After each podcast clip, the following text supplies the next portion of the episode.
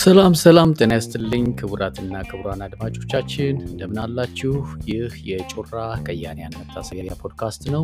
ክቡራትና ክቡራን እንደምታስታውሱት ባለፈው ሳምንት ለራስ ክብር መስጠት የሚለውን ፕሮግራም ይዤላችሁ ቀርቤ ነበር። በአሁኑ ደግሞ የዛ ተከታይ የሆነውን ሁለተኛ ክፍል አቀርብላችኋለሁ። ፕሮግራሙን በጥሞና ተከታተሉ ዘንድ በአክብሮት ጋብዛለሁ። የፕሮግራሙ አዘጋጅና አቅራቢ አንድነት አያሌው ነኝ። መልካም ጊዜ።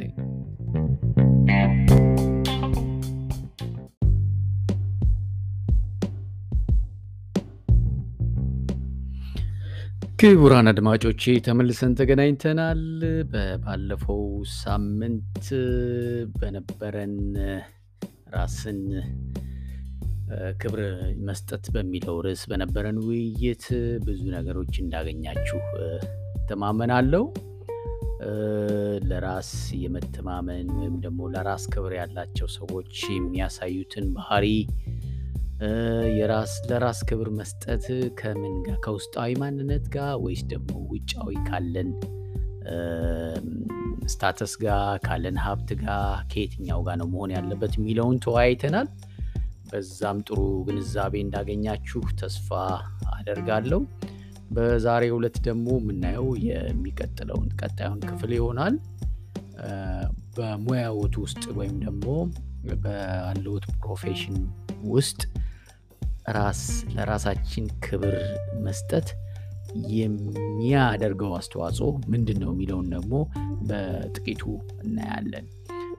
በሙያዊ ህይወታችን ውስጥ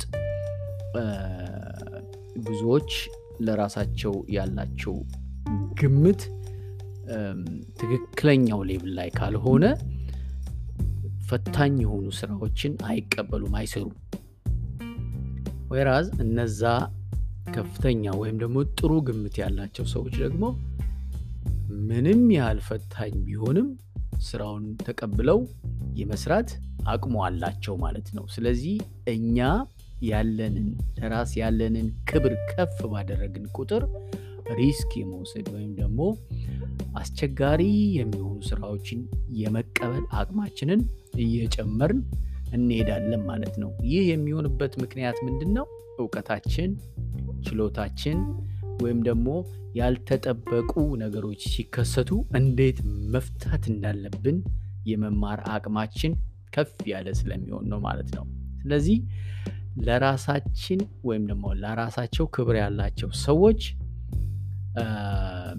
ከሌላቸው ሰዎች ለየት የሚያደርጋቸው ይህ ይሆናል ማለት ነው። risk ወስደው የሚያውቁትንም ወይም ደግሞ የማያውቁትንም challenge የሚያደርጋቸውን ስራ የመቀበል አቅማቸው ከፍ ያለ ይሆናል ማለት ነው። ለራስ ክብር የሌላቸው ሰዎች እኔ እኮ አልችልም፣ ደካማ ነኝ even እውቀቱም ኖሯቸው ሊሆን ይችላል ከነዛ risk ከሚወስዱ ሰዎችም የተሻለ የእውቀት ደረጃ ላይ ሊሆኑም ይችላሉ። ግን ለራሳቸው ክብር ስለሌላቸው ራሳቸውን ስለማያከብሩ ያ ማለት ለራስ ክብር መስጠት ማለት በአየር ላይ እንዲሁ በባዶ አይደለም። በቃ እኔ በራሴ እተማመናለሁ ይህን ነገር የመስራት አቅሙ አለኝ ማለት ነው። ሌላ ምንም ትርጉም የለውም ማለት ነው። ስለዚህ እንደዛ አይነት ሰዎች ለመሆን ለራሳችን promise ልናደርግ ይገባናል ማለት ነው። በአጠቃላይ ለራሳቸው ጤናማ ግምት ያላቸው ሰዎች ጉድለት እንዳለባቸውም ይገነዘባሉ። ምንም እንኳን በራሴ ይተማመናለሁ ቢሉም ጉድለት አለብኝ ሆኖም ግን ጥንካሬዎቼ ያንን ጉድለት ይሸፍኑታል ብለው ያስባሉ። ራሳቸውን በጣም ይወዳሉ። ራሳቸውን ይንከባከባሉ። ይሄ ደግሞ ማለት ምንድን ነው? ሊከሰቱ የሚችሉ ነገሮችን ይገምታሉ። ቢከሰቱም እንኳን የሚመጣው ውጤት ከነሱ ስብዕና ጋር ከነሱ ማንነት ጋር ከነሱ ለራስ ያላቸው ከፍ ማለት ጋር እንደማይገናኝ ያስባሉ whatever ውድቀትም እንኳን ቢከሰት ከስራ በኋላ የመጣ እንደሆነ ያምናሉ ማለት ነው። ውጤቱን ከራሳቸው ማንነት ጋር አያገናኙትም። ይሄ አንዱ quality ያቸው ይሆናል ማለት ነው። እንደዚህ ያሉ ሰዎች አጭበርባሪዎች አይደሉም። ወይም ደግሞ የተከሰተውን ነገር ኃላፊነት ባለመውሰድ ወደ ሌላ ወደ ሶስተኛ ሰው አያስተላልፉም። yes እኔ ነኝ ያደረግኩት outcome ኡ ጥሩ positive እንዲሆን ነበር የምፈልገው፣ ይሄ ተከስቷል እንጂ የሚሉት እከሌ እኮ እንደዚህ ስላላደረገልኝ ነው፣ ይሄ ስላልተሟላልኝ ነው የሚል የማጭበርበር ስብዕና የላቸውም ማለት ነው። እዚህ ጋር የእነሱንም ዋጋ ከሚመጣው ውጤት ጋር አያደበላልቁትም ማለት ነው። ጥሩ ሊሆን ይችላል፣ መጥፎ ሊሆን ይችላል ውጤቱ። የእነሱ ማንነት ግን ያው ነው፣ አይቀየርም ማለት ነው። መጥፎ ስለሆነ ውጤቱ አይወርድም። በጣም ቆንጆም ስለሆነ over exaggerated አያደርጉትም ማለት ነው። ስለዚህ ለራሳችን ያለንን ግምት እንዴት እናሻሽል ወደሚለው ሀሳብ እንቀጥላለን ማለት ነው። ለራስ ከፍ ያለ ግምት ማለት ያለ ቅድመ ሁኔታ ምንም precondition ሳያስፈልገን ራሳችንን መውደድና ክብር መስጠት ማለት ነው። ይህንን ማድረግ ከተለማመድን፣ ይህንን ካደረግን ወደ ራሳችን ስብዕና ግንባታ እየሄድን ነው ማለት ነው። እዚህ ጋር ልጆችን እኔ ልጆች በራስ የመተማመን አቅማቸውን ከፍ እንዲያደርጉ ቤተሰብ ምን ማድረግ ይኖርበታል? እዚህ ጋር አንድ ልጅንና አዋቂን አስቀምጠን በራስ የመተማመን አቅሙን ለማሻሻል ብንሞክር ለልጆች እጅግ በጣም ቀላል ነው የሚሆነው ማለት ነው። እነሱ ያለምንም ቅድመ ሁኔታ ራሳቸውን ለመውደድ ኢዚ ነው ለነሱ። ራሳቸውን ለማክበር ኢዚ ነው የሚሆነው። ወደ አዋቂዎች ጋር ስንሄድ ግን ትንሽ በጣም አስቸጋሪ ነው የሚሆነው። ምክንያቱን በሚቀጥለው ሀሳብ እንነጋገራለን ማለት ነው። ልጆችን እንዲሞክሩ ወይ ደግሞ ለራሳቸው ከፍ ያለ ግምት እንዲኖራቸው ለማድረግ ስንሰራ ደጋግመው እንዲሞክሩ ኢንካሬጅ እናርጋቸው። ደጋግመው እንዲሞክሩ ባንዴ ላይሳካ ይችላል፣ ሊደክሙ ይችላሉ። ግን ደጋግመው ደጋግመው እንዲሞክሩ ካበረታታናቸው፣ ለምሳሌ አንድ ስራ ሰተናቸውም ሊሆን ይችላል። በራስ የመተማመን አቅማቸውን አጎልብተው ያንን ስራ እንዲፈጽሙ ስናዛቸው ወይም ደግሞ እንዲያከናውኑ ስንነግራቸው ሊሳሳቱ ይችላሉ።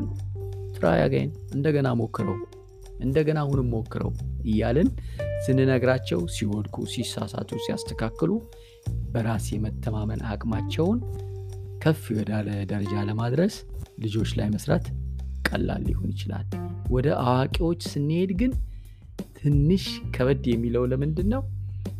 ከዚህ በፊት የገጠማቸው ገጠመኞች አይምሯቸው ውስጥ ተቀርጸው የተቀመጡ ነገሮች እንደ record ያሉ ነገሮች ሊኖሩ ይችላሉ።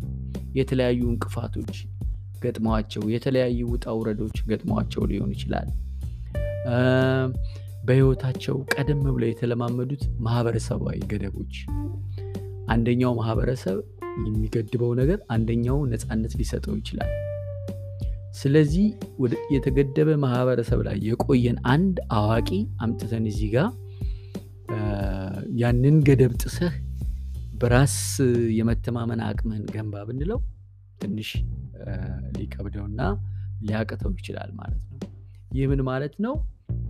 ይህንን ለማድረግ ከዚህ ነገር ለመላቀቅ እጅግ በጣም ብዙ ስራ ይጠበቅባቸዋል ማለት ነው።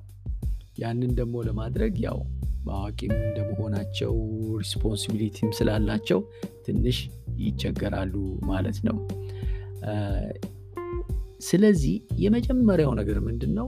ትልቁ ቅድመ ሁኔታ ያለምንም precondition ያለምንም በቃ ያለምንም ድርድር ለራስ ከፍተኛ ክብርና መውደድ መኖር ያስፈልጋል ማለት ነው።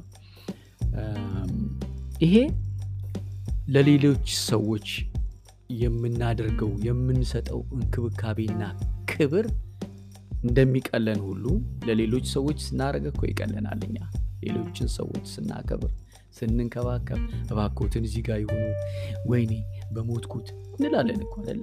ለራሳችን ግን ያንን አናደርገውም። ያንን እንድናደርገው ነው አሁን እዚህ ጋር የምንወያየው ማለት ነው። ሌላው አዋቂዎች እንኳ ብንሆንም በተሻለ መልኩ ወደ ራስ ክብር ለመምጣት እንድንችል አሉታዊ በሆነ መልኩ ራሳችንን ማውራት ማቆም መቻል አለብን ማለት ነው። እኔ እኮ አልረባም፣ እኔ ደካማ ነኝ፣ እኔ አቅም የለኝም ምናምን የሚሉ negative የሆኑ አሉታዊ የሆኑ ነገሮች ለራሳችን ልንነግረው አይገባም። በአዎንታዊ ወይም ደግሞ በፖዘቲቭ ማረጋገጫዎች ራሳችንን መሙላት ይጠበቅብናል። ጠንካራ ነኝ፣ ኃላፊነት የመሸከም አቅም አለኝ፣ አቋሜ ጥሩ ነው፣ የንግግር ክህሎቴ ጥሩ ነው፣ ችግሮችን የመጋፈጥ አቅሜ ከፍ ያለ ነው፣ ነገም ሌላ ቀን ነው። እንደዚህ አይነት አዎንታዊ የሆኑ ነገሮች ለራሳችን ልንነግረው ይገባናል ማለት ነው። ሌሎች ሰዎች እኛን እንዴት እንደሚያዩን ማሰብ ሳይሆን ራሳችንን እንዴት ራሳችንን ማየት እንዳለብን ነው ውስጣችን መማር ያለበት ማለት ነው። መበረታታትም ያለበት ማለት ነው። ሰዎች በየራሳቸው perception ወይም ደግሞ የመቀበል አቅም ሁላችንም አንድ አይነት አቅም የለንም። አንድ አይነት የአእምሮ አቅም የለንም። ስለዚህ እኔ somebody ን perceive የማደርግበት Mister X somebody ን perceive የሚያደርግበት ወይም ደግሞ የሚቀበልበት የሚመዝንበት አቅሙ የተለያየ ነው ማለት ነው። ስለዚህ ሰዎች እኛን በሚያዩ ሳይሆን እኛ ራሳችን ራሳችንን እንዴት እንደማይ እንደምንላይ በተገቢው መልኩ መለማመድ መቻል አለብን ማለት ነው። ራሳችንን ማመን ይገባናል። ራሳችንን ስናምን ውሳኔዎቻችን መልካም ይሆናሉ። በጣም እጅግ በጣም ቆንጆ ይሆናሉ ማለት ነው። ውሳኔዎቻችንና ድርጊቶቻችን አሁን ባለን አቋም መሰረት ልንወስድ የምንችል ከሆነ በጣም ጥሩ ምርጫዎችን መውሰድ እንችላለን። በጣም ጥሩ ውሳኔዎችን መወሰን እንችላለን። በጣም ጥሩ በሆነ ሁኔታ ኃላፊነቶችን መቀበል እንችላለን ማለት ነው። ራሳችንን በበቂ ሁኔታ ስንወድ፣ ራሳችንን በበቂ ሁኔታ ስናከብር፣ ሌሎችንም እንዲሁ በበቂ ሁኔታ እናከብራለን፣ በበቂ ሁኔታ እንወዳለን ማለት ነው። ይህ ሁሉ ይህ ሁሉ የምናደርገው ትግል በውስጣዊ አእምሯችን ያለውን ድምፅ ቅድም በኔጌቲቪቲ እያልን ያል እኔ እኮ አልችልም፣ እኔ ደካማ ነኝ፣ እኔ አቅም የለኝም፣ እኔ ሰው የለኝም ምናምን የሚሉ በውስጥ ያሉ ድምፆች አሉ። እነዛን ድምፆች ለማጥፋት ነው አሁን እዚህ ጋር እየተለማመድን ያለ ነው። እነዛን ድምፅ መቋቋምና ማጥፋት ስንችል ወደ ራሳችን ማንነት ወይም ደግሞ ወደ ራሳችን የማክበር ሁኔታ ውስጥ እንገባለን ማለት ነው። ራሳችንም አቅም እንዳለን እያመንን እንሄዳለን፣ እንቀበላለን ማለት ነው።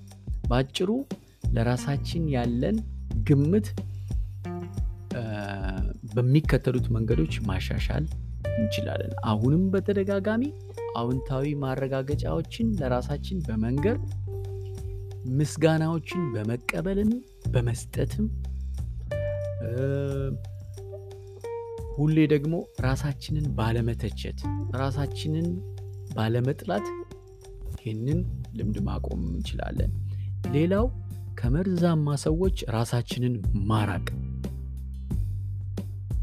የወደፊት ጎላችንን አላማችንን እንደ አልባሌ ከሚያዩ ወይም ደግሞ ባህሪያቸው መጥፎ ሆኖ ራሳችንን መጥፎ ከሚያደርጉን ጓደኞች ልንርቅ ይገባል ማለት ነው።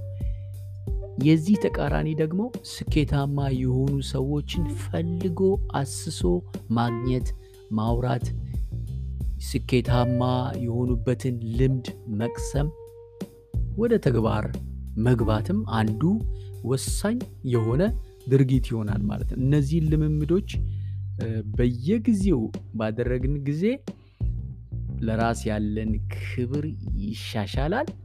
ለራሳችን ያለን ግምት ከፍ ይላል። risk taker እንሆናለን። ውጤታማዎችም እንሆናለን። ያ በውስጣችን የገነባነው ነገር ወደ ሌሎችም manifest ያደርጋል ማለት ነው።